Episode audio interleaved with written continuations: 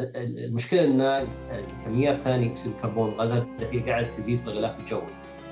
تجدهم يجرمون الوقود الاحفوري ولا كانه بعد الله سبحانه وتعالى ساهم في الثورات الصناعية اللي نعيشها والخيرات و...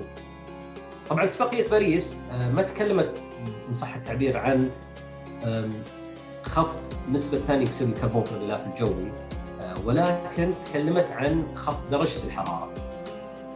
حقيقه ما هو كل سعودي يكون فخور يعني بالجهود اللي تبذلها المملكة في في آه، تعاملها مع يعني خلينا ظاهرة التغير أو المناخي. السلام عليكم. رمضان كريم وكل عام وأنتم ومن تحبون بألف خير وصحة وعافية. حلقتنا هالمرة مختلفة شوي. لأول مرة في بودكاست زينوليث نستضيف شخصية نحاورها ونتعلم منها. موضوعنا اليوم عن التغير المناخي وضيفنا في هذه الحلقة هو الدكتور عبد الله شهيل. الدكتور عبد الله شهيل هو أستاذ مساعد في قسم علوم الأرض بجامعة الملك فهد للبترول والمعادن. حاصل على درجة البكالوريوس في الجيوفيزياء من جامعة الملك فهد. ودرجتي الماجستير والدكتوراه من جامعة كالغاري في كندا. الدكتور عبد الله مهتم بالتغير المناخي واحتجاز وتخزين ثاني أكسيد الكربون في المكامن الجيولوجية أو ما يعرف ب Carbon Capture and Storage. يا هلا وسهلا فيك دكتور عبد الله منورنا اليوم ونحن سعداء جدا بوجودك معنا أهلا وسهلا فيك أخ بسام وأشكرك على الاستضافة والأخوة القائمين على البرنامج وحقيقة مبادرة تشكرون عليها وأسأل الله لكم التوفيق جميعا. الله يسلمك دكتور شكرا لك. دكتور عبد الله إحنا صرنا دائما نسمع بمصطلح التغير المناخي ومو بس في الأوساط العلمية بل صرنا نسمع فيه ونقرأ عنه في منصات التواصل الاجتماعي وبعض القنوات الإخبارية. فدائما ما نسمع الحدث الفلاني الذي له علاقة بالتغير المناخي أو المعاهدة الفلانية الخاصة بالتغير المناخي. لكن وش المقصود بالتغير المناخي؟ جميل جدا الله يعطيك العافية. الحقيقة سؤال مهم وتأصيل للمسألة كلها لأن الإنسان الآن ما يكاد يعني يسمع في الأخبار أو على وسائل التواصل الاجتماعي أو غيرها. إلا حتى على مستوى استراتيجيات الدول والشركات وغيرها. تجد مصطلح التغير المناخي دائما يعني يطرأ بشكل أو بآخر. هو في الحقيقة يعني التغير المناخي كمصطلح آه، ما هو شيء مستغرب. هو تاريخ الأرض كما تعلم يعني الأرض عمرها تقريبا 4.5 ولا تقريبا 4.55 بليون ييرز فعلى مر تاريخ الأرض كان مصطلح أو تغير المناخي أمر وارد جدا. فمرت الأرض بعصور جليدية وعصور دفيئة وما بينها يعني. مثلا على سبيل المثال آخر عصر جليدي اللي يتذكرون يعني المؤرخين آخر واحد كان تقريبا قبل 10000 سنة نهايته. وبعده بدأ عصر اللي ما يسمونه بالهولوسين أو العصر الحديث اللي هو آه، بات الإنسان هو خلينا نقول له تأثير أكبر على الكوكب الأرض. فتغير مناخي كمصطلح هذا أمر ما هو جديد يعني ولا يستغرب. بينما في الفترة الأخيرة اللي اراها شخصيا أنه يجب تفريق بين مصطلح التغير المناخي بصفة عامة والتغير المناخي في الإطار الحديث للتعريف، لما نقول تغير مناخي اللي تشوفها في وسائل التواصل الاجتماعي وفي الأخبار وعلى مستوى الدول والقمم وغيرها، هذا يعنى بالتغيرات اللي صارت خلينا نقول خلال 300 آه، سنه تقريبا الماضية منذ منذ الثورة الصناعية الأولى اللي هي ال first industrial revolution تقريبا في ال 1750s around that time يعني تقريبا. فمن من ذلك الوقت ويعني واختراع اللي هو ال steam engine أو محرك البخار وغيره وبعدين جاءت الثورة الصناعية الثانية مع الكهرباء وال automation والثوره الصناعية الثالثة وثوره التكنولوجيا والانترنت فكل هذه ابتداء من الثورة الصناعية الأولى اعتمدت بشكل كبير على اللي هو الوقود الأحفوري اللي هو مثلا الفحم والغاز والنفط على سبيل التحديد. فهنا يبدأ مصطلح التغير المناخي اللي له علاقة بالنشاط البشري اللي إحنا نسميه أو يسمونه باللغة الإنجليزية الأنثروبوجينيك اللي هو بمعنى مبسط إنه يتعلق بالنشاط البشري. فببساطة الآن لما نقول تغير مناخي في خلينا نقول في كما تسمع في الأخبار وغيرها إحنا في الحقيقة نرمز لهذا التغير اللي صار خلال 300 سنة الماضية اللي نتج عنه ضخ كميات كبيرة من آه، الغازات الدفيئة أو غازات الاحتباس الحراري وعلى رأسها اللي هو غاز ال carbon dioxide ثاني أكسيد الكربون. وفي غازات دفيئة أخرى أو غازات احتباس حراري أخرى كال methane وال nitrous oxide ولا ثاني أكسيد النيتروجين. وغيرها من الغازات الأخرى ال fluorinated carbon اللي تستعمل في في كوسيلة كغازات تبريد في المبردات والمكيفات وغيرها. فبصفة عامة يعني يجب أن نحن نميز بين ال climate change بصفة عامة لأن هذه تأصل أيضا للجدال حول التغير المناخي لأن إحنا لما ننظر للتغير المناخي على مر تاريخ الأرض آه، كثير من الناس اللي يرفضون مبدأ أو نظرية أو خلينا نقول آه، مصطلح التغير المناخي يقول لا يعني التغير المناخي هذا شيء موجود على مر تاريخ الأرض من من خلق الله الأرض كانت أوقات دفيئة وأوقات آه، الأرض فيها عبارة عن كرة جليدية فأنتم ما يعني ما في شيء جديد بينما إحنا في الحقيقة لازم ناصل له بعلاقته بالأنشطة البشرية وانبعاثات الغازات الدفيئة الناتجة عن حرق الوقود الأحفوري. طبعا على عجاله اللي هو يعني عشان نفرق بين مساله اللي هو الطقس وبين مسألة المناخ أنتم عارفين المسألة يعني الفرق بين الطقس والمناخ نعم. بينما المناخ لما كمصطلح خلينا نقول آه، يعني لما تسمع في وسائل التواصل الاجتماعي وسائل الأخبار أو غيرها يعني أو يتحدث عن آه، التغير آه، على المدى الطويل، لما نقول على المدى الطويل على مدى عقود أو قرون في درجات الحرارة، ليس فقط درجات الحرارة بل أيضا العوامل الجوية كهطول الأمطار والعواصف ومستوى منسوب البحار وغيرها من الأمور هذه، فما هي فقط تتعلق بدرجة الحرارة، وإن كان درجة الحرارة هي العامل الرئيسي طبعا. ولكن هناك عدة أمور تتعلق بالمناخ عدد درجة الحرارة، فهذا برضو لازم ناخذه في عين الاعتبار لما ننظر لمسألة تغير المناخ. دكتور عبد الله أنا كنت راح أسأل عن المسببات للتغير المناخي بس أنت ما شاء الله عليك ضربت عصفورين بحجر وأجبت عنها في السؤال السابق. طيب هل بالضرورة يعتبر التغير المناخي حاجة سلبية سواء كانت المسببات آه، طبيعية أو بسبب البشر؟ شوف بالنسبة لمسألة التغير المناخي اللي تحدث بشكل طبيعي هذه من سنن الله الكونية. والله خلق الأرض يعني وضع السبل وضع الأسباب.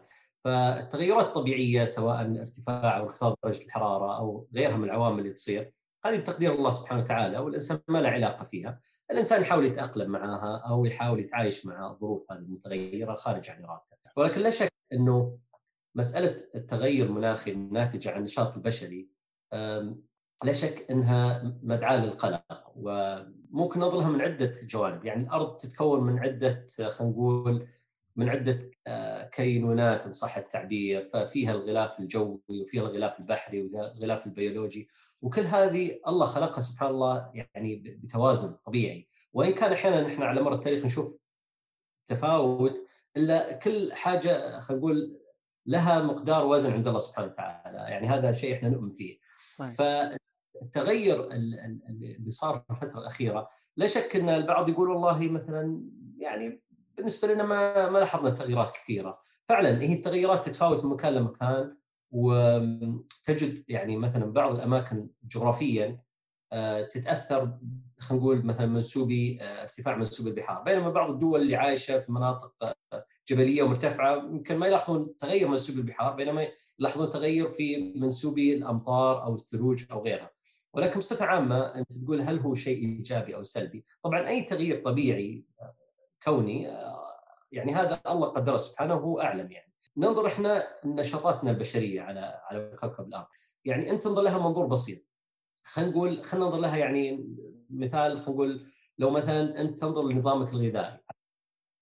وخلينا نقول آه، مثلا عندك يعني نقول إحنا الإنسان البالغ يحتاج 2000 2300 2400 سعرة حرارية يوميا مثلا. خلينا نقول أنت مع الوقت قاعد بدل ما تأخذ خلينا نقول على سبيل المثال 2000 سعرة حرارية تأخذ 2005 سعرة حرارية. ومستمر على هذا النمط على مدى آه، سنين وخلينا نقول عقود من الزمن. إيش بيصير معك؟ تواجه مشاكل صحية غيرها طبعا بعضهم يقول أنا بمارس الرياضة صحيح ولكن الجميع يعرف حتى اللي يمارس الرياضة تحتاج إلى balanced diet انظر له من جانب آخر يمكن موضوع الوزن حساس خلينا ننظر له من جانب آه، من جانب مالي أو من جانب financial أنت على سبيل المثال خلينا نقول عندك budget عندك income و spending عرفت كيف؟ فخلينا نقول عندك موازنة بين الاثنين. طيب خلينا نقول أنت بديت الآن تصرف أكثر من ال income حقك. وعلى مر شهر شهرين سنة سنتين ثلاثة أربع شو بيصير عندك؟ بيصير عندك huge debt بيصير عندك الموازنة اللي عندك بيصير فيها اختلال كبير جدا.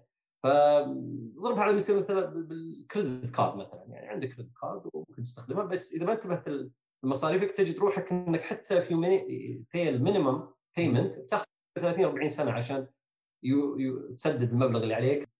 النظام الطبيعي فيه توازن.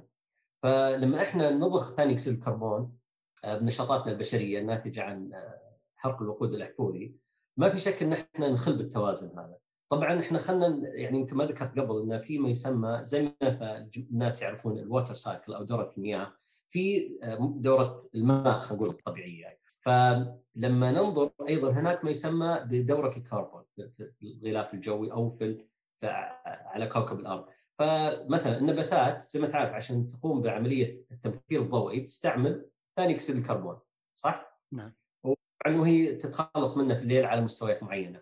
آه، البحار اللي هي تعتبر آه، أكبر مسهم في آه، امتصاص أو خلينا نقول استخلاص ثاني أكسيد الكربون من من الغلاف الجوي تلعب دور مهم جدا أيضا.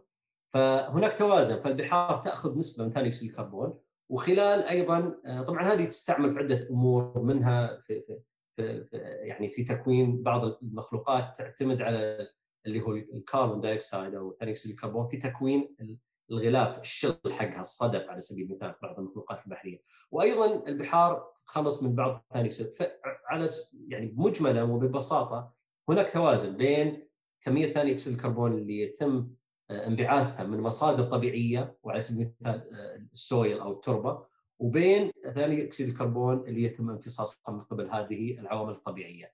الآن المشكلة عندنا في النشاط البشري لما إحنا نحرق الاحفوري وبشكل متزايد يصير ينتج عنه خلينا نقول آه، عدم توازن في كمية ثاني طبعا الله خلق الأرض وفيها خلينا نقول قدرات عجيبة يعني الناس اللي درسوا تاريخ الأرض على مر الخمسة أو فاصل 4 مليار سنة. يشوفون الأرض مرت بكوارث عجيبة جدا ورجعت الحياة فيها ورجع فيها التوازن. فيعني سبحان الله يعني هناك شيء عجيب. ولكن الكلام الآن اللي إحنا يعني قاعدين نسم فيه من ناحية تغيير المناخ بشكل مستمر ومتزايد خصوصا مع توجه الدول خلينا نقول النامية إلى تطوير صناعتها ونمو اقتصادها المشكلة إن كميات ثاني اكسيد الكربون غازات الدفيئه قاعدة تزيد في الغلاف الجوي. فهنا جات مسألة إن إحنا يعني لابد إن نجد حل لهذه المشكلة. وطبعا نتكلم يعني يمكن في أحد الفقرات القادمة عن بعض الحلول وبعض المبادرات. ولكن لعلي هنا يعني أذكر نقطة مهمة جدا هي مسألة آه، يعني لما نرى وسائل التواصل الاجتماعي والأخبار ونشوف القمم تجدهم يجرمون الوقود الاحفوري ولا كانه بعد الله سبحانه وتعالى ساهم في الثورات الصناعية اللي نعيشها والخيرات و يعني حتى على مستوى خلينا نقول مستوى الطب. لهم الله ثم الوقود الاحفوري ما تطور الطب وعندنا الأجهزة والإمكانيات الضخمة. فيعني ضروري إن إحنا نقدر النعمة اللي رزقناها ولا نجحد يعني مسألة يعني فضل الوقود الاحفوري بعد الله سبحانه آه، علينا في في خلينا نقول في الحياة الكريمة اللي نعيشها. إلا أنها الآن بات إن إحنا يجب ان نتعامل مع آه، خلينا نقول الإفرازات هذه إن صح التعبير مصادر الطاقة آه، بطريقة آه، خلينا نقول أفضل مما مضى. يعني بدل ما فقط نتخلص من الغلاف الجوي لا. الآن نحتاج نتعامل معها. وهناك حلول كثيرة مقترحة وهناك كثير من البحوث وكثير من خلينا نقول المبادرات اللي تعنى بهذا الجانب لايجاد حل مشكلة التغير. جميل جدا. وهذا ينقلنا إلى نقطتنا التالية اللي هي الحلول المقترحة للحد من التغير المناخي. ومؤخرا سمعنا عن اتفاقيات مثل اتفاقية باريس أو باريس agreement وغيرها. وش الفكرة منها؟ وهل هذه تعتبر من الحلول المقترحة أيضا؟ وكيف راح تحد من التغير المناخي؟ طبعا أنت زي ما تعرف مسألة تغير مناخي بعضهم يتساءل ليه يعني الآن لنا خلينا نقول عقود من الزمن وإحنا نسمع عن تغير مناخي والمشكلة يعني ما هي خلينا نقول آه، مشكلة جديدة نسبيا إن صح التعبير. يعني من من أصلا يعني بداية الملاحظات إن صح التعبير في خلينا نقول في العصر الحديث. يمكن بدأت من آه، يعني خلينا نقول تقريبا تسعينات القرن الماضي.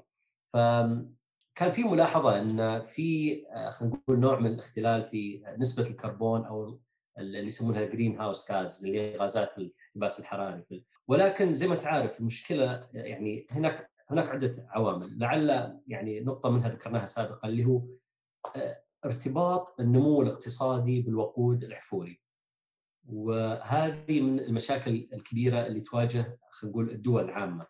فإذا أنت تبي الاقتصاد ينمو أو ما يسمى خلينا نقول بال GDP اللي هو وحدة قياس الحجم الاقتصاد فلا بد إنك آه، تستعمل الوقود الاحفوري يعني في زي ما يقولون بالإنجليزي coupling في ارتباط بين نمو الاقتصاد واستعمال الوقود الاحفوري طبعا بعضهم يجي يقول طيب يمكن هذا مش شيء ضروري. فعلا هو مو بشيء ضروري يعني ولكن ما حد توصل لحل المشكلة إلى الآن. ما زالت آه، ما زال النمو يعتمد اعتماد كبير جدا على الوقود الاحفوري ف هنا جات يعني مسألة إنه خلال خلينا نقول العقدين الماضيين أو الثلاث العقود الماضية وعلى سبيل المثال على سبيل التحديد لعل أهم الاتفاقيات اللي تم ابرامها في الماضي اللي هي اتفاقية بروتوكول آه، كيوتو في اللي تم آه، توقيعها في اليابان. آه، أعتقد في 1997 خان التعبير ما خانتني الذاكرة. فهذه كانت اتفاقية واعدة نوعا ما ولكن ما أخفيك إنه بعد مرور عدة سنين لوحظ إنها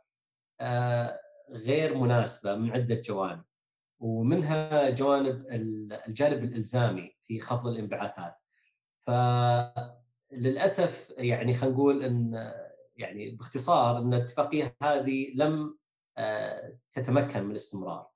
ففي دول ما وقعتها وما قامت بالمصادقة عليها في في في, في إطارها الداخلي وفي دول يعني وقعتها وبعدين رجعت انسحبت منها.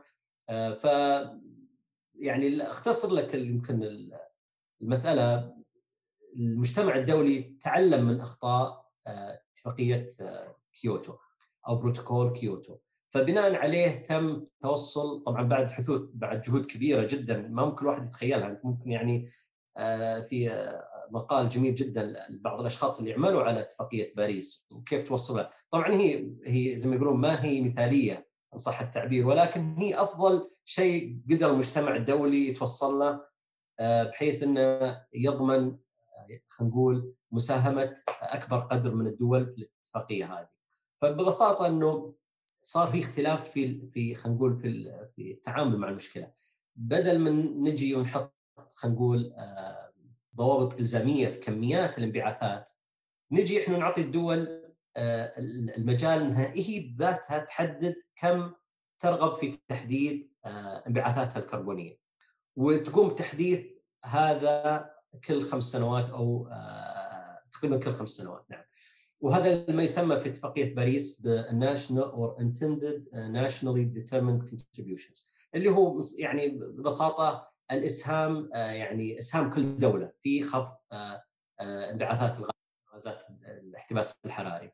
طبعا اتفاقية باريس ما تكلمت إن صح التعبير عن خفض نسبة ثاني أكسيد الكربون في الغلاف الجوي ولكن تكلمت عن خفض درجة الحرارة، طبعا في ارتباط وثيق بين درجة الحرارة ونسبة آه، ثاني أكسيد الكربون في الغلاف الجوي، وهذه لعلها يعني فيها دراسات كثيرة ولعل من أهم المنظمات اللي درست الموضوع هذه تحت إطار الامم المتحدة اللي هي اللي هي المجموعة آه، المجموعة أو آه، اللي هي ال intergovernmental panel on climate change اللي هي زي ما تقول آه، لجنة حكومية أو محوكمه لدراسة التغير المناخي وتتكون من مئات العلماء المتخصصين في في ال atmosphere اللي هو الغلاف الجوي وفي أمور وال oceanography اللي هو علوم البحار وغيرها وقاموا بدراسة على مر آه، خلينا نقول سنوات. وهم طبعا كل خمس سنوات أو ست سنوات يحدثون دراساتهم ويقومون بنشر الدراسات هذه ويتم أخذها في عين الاعتبار في خلينا نقول في الاجتماعات الدولية اللي تتعلق بالتغير المناخي. آه، اللي تسمى ال conference of parties تحت إطار آه، ما يسمى بال UNF triple C اللي هو United Nation framework climate convention on climate change اللي هي اتفاقية الأمم المتحدة الإطارية للتغير المناخي. وهذه طبعا تقريبا كل دول العالم آه، تعتبر جزء آه، من الاتفاقية هذه آه، اللي هو ال UNF triple C طيب دكتور عبد الله أنا عندي سؤال. أنت جيوفيزيائي. وإحنا كجيوفيزيائيين في الغالب مهتمين بما يحدث تحت الأرض. فوش اللي خلاك تهتم بالتغير المناخي والمواضيع في هذا المجال؟ حقيقة ما أخفيك إن يعني سبحان الله الناس لهم اهتمامات آه، تجد بعضهم من الصغر وهو يقول أنا بصير طيار أنا بصير دكتور أنا لاحظت من يعني الصغر وأنا عندي اهتمام بالاستدامة sustainability in general وطبعا بحكم اهتمامي بالظواهر الطبيعية والجيولوجية دخلت في مجال علوم الأرض. وطبعا خلال دراستي يعني آه، زي ما تقول موضوع التغير المناخي يعني خلينا نقول آه، أتكلم أنا بداية تقريبا 2000 فكان موضوع التغير المناخي آه، كان خلينا نقول يعني خذ اهتمام كبير جدا على مستوى الساحة الدولية.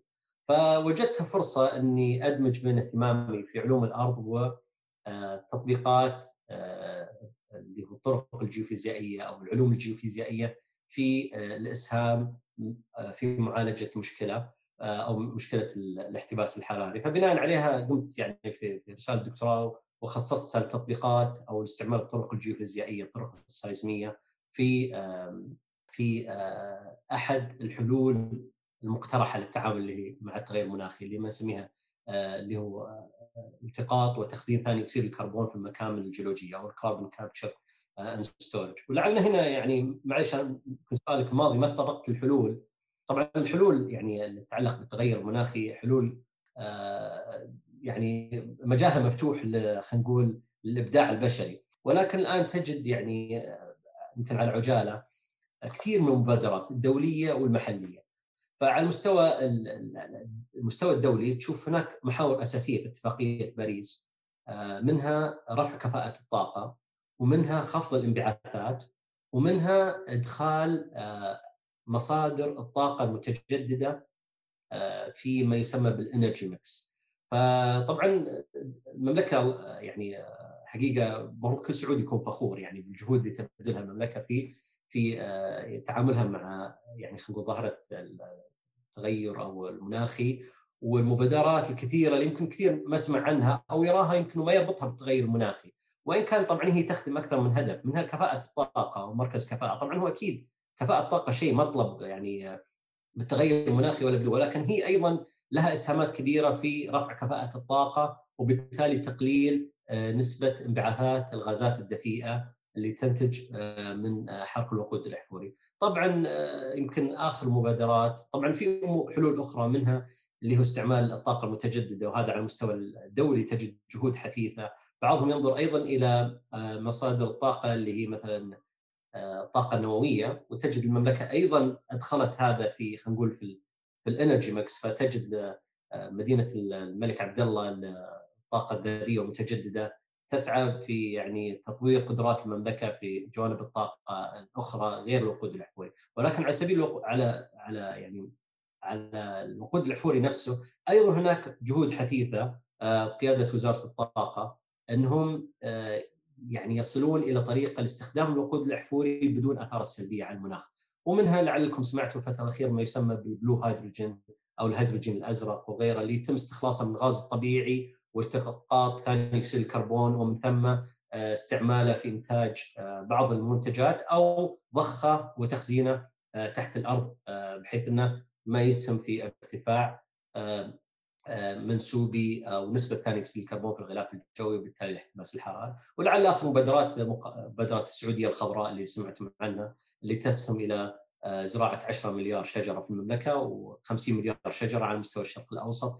وفي إطارها طبعا مبادرة ضخمة هي جدا في إطارها أمور كثيرة آه، أخرى يمكن لا يتسع الوقت للحديث عنها ولكن اطمن كل سعودي يعني إنه المملكة يعني قاعدة تتعامل خصوصا كونها يعني دولة لديها مخزون ضخم من الوقود الأحفوري وأيضا أكبر دولة يعني آه، منتجة للنفط أو ثاني أكبر دولة منتجة للنفط على مستوى العالم بعد الولايات المتحدة. ولكن أكبر دولة مصدرة للنفط وأيضا مخزوننا من الغاز الطبيعي ضخم جدا يمكن الخامس ومع ذلك هذه آه، المشكلة مشكلة التغير المناخي نعيرها انتباه أو اهتمام كبير جدا وهذا يدل على حكمة قيادتنا ويعني اهتمامهم بالموضوع. طبعا يجي دورنا كأشخاص خلينا نقول كمواطنين وك كأفراد كيف إحنا نسهم في في في معالجة المشكلة؟ طبعا يمكن هذا يقودنا يمكن إلى موضوع في لقاء آخر ولكن لا أحد يعتقد ان فقط الموضوع يتعلق على مستوى الدول وجهودها بل حتى الأفراد لهم دور كبير جدا في خفض ما يسمى بالأثر الكربوني لكل شخص. وهذه أحد أحد الوحدات اللي يستعملونها في قياس خلينا نقول أثر الانبعاثات الكربونية اللي هو يسمونها ال carbon footprint أو ال carbon emissions GDP فيعني كل واحد منا له اثره الكربوني فممكن نحن كأفراد أيضا نسهم في خفض الانبعاثات الكربونية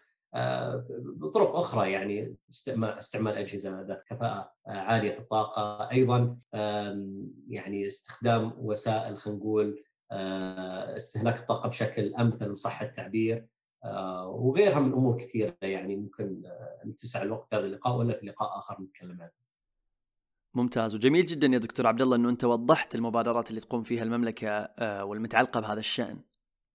وشكرا لك على المعلومات المثرية اللي شاركنا فيها وعلى تواجدك معنا ونحب لو نختم اللقاء بكلمة توجهها للمستمعين. شكرا لك أخ بسام والإخوان القائمين على المبادرة مرة أخرى وأشكركم على الاستضافة. والحقيقة لعل يعني إذا في أعتذر إن كان يعني يمكن في استعمال المصطلحات الإنجليزية. أنا عارف إن البودكاست بالعربي ولكن آه، يعني آه، نعتذر للمستمعين إذا آه، بعض المصطلحات لاستعمال المصطلحات. أنا صراحة أحرص جدا على استعمال المصطلحات العربية بقدر الإمكان. ولكن أحيانا يخوننا شوية. لا أنت ما شاء الله عليك. أنت معظم المصطلحات الإنجليزية اللي استخدمتها ترجمتها ترى. فيعطيك الف عافية على هذه النقطة شكرا لك. الله الله يعافيك. وأيضا يعني أحث الجميع أنه يثقف نفسه بقدر الإمكان. الآن وسائل خلينا نقول آه، يعني التعلم آه، متوفرة في سبل شتى يعني. فأحث كل مستمع أنه فقط يعني يحاول يجد كيف يقدر يسهم في خفض الانبعاثات الكربونية المتعلقة فيه كفرد. وأعتقد أن هذه بتلعب دور كبير ومهم جدا في تحقيق آه، رؤية المملكة. في ما يتعلق بالبيئة والحفاظ عليها طبعا هي أحد أحد الأهداف الموجودة في ضمن رؤية 2030 ف يعني إن شاء الله يكون لنا لقاء آخر ممكن نستطرد فيه أكثر في بعض الجوانب. شكرا لك دكتور عبد الله وإحنا سعداء بوجودك معنا اليوم وإن شاء الله نشوفك في لقاء آخر. الله يحييك شكرا لكم. أتمنى تكونوا استفدتوا وشكرا لاستماعكم لهذه الحلقة وكالعادة لتعليقاتكم واقتراحاتكم تواصلوا معنا على حسابنا في تويتر @zenolith بودكاست ويا ريت تترك تقييمك لهذه الحلقة أو للبرنامج على المنصة اللي أنت تستمع لنا منها. أنا بسام الزاير ونشوفكم على خير.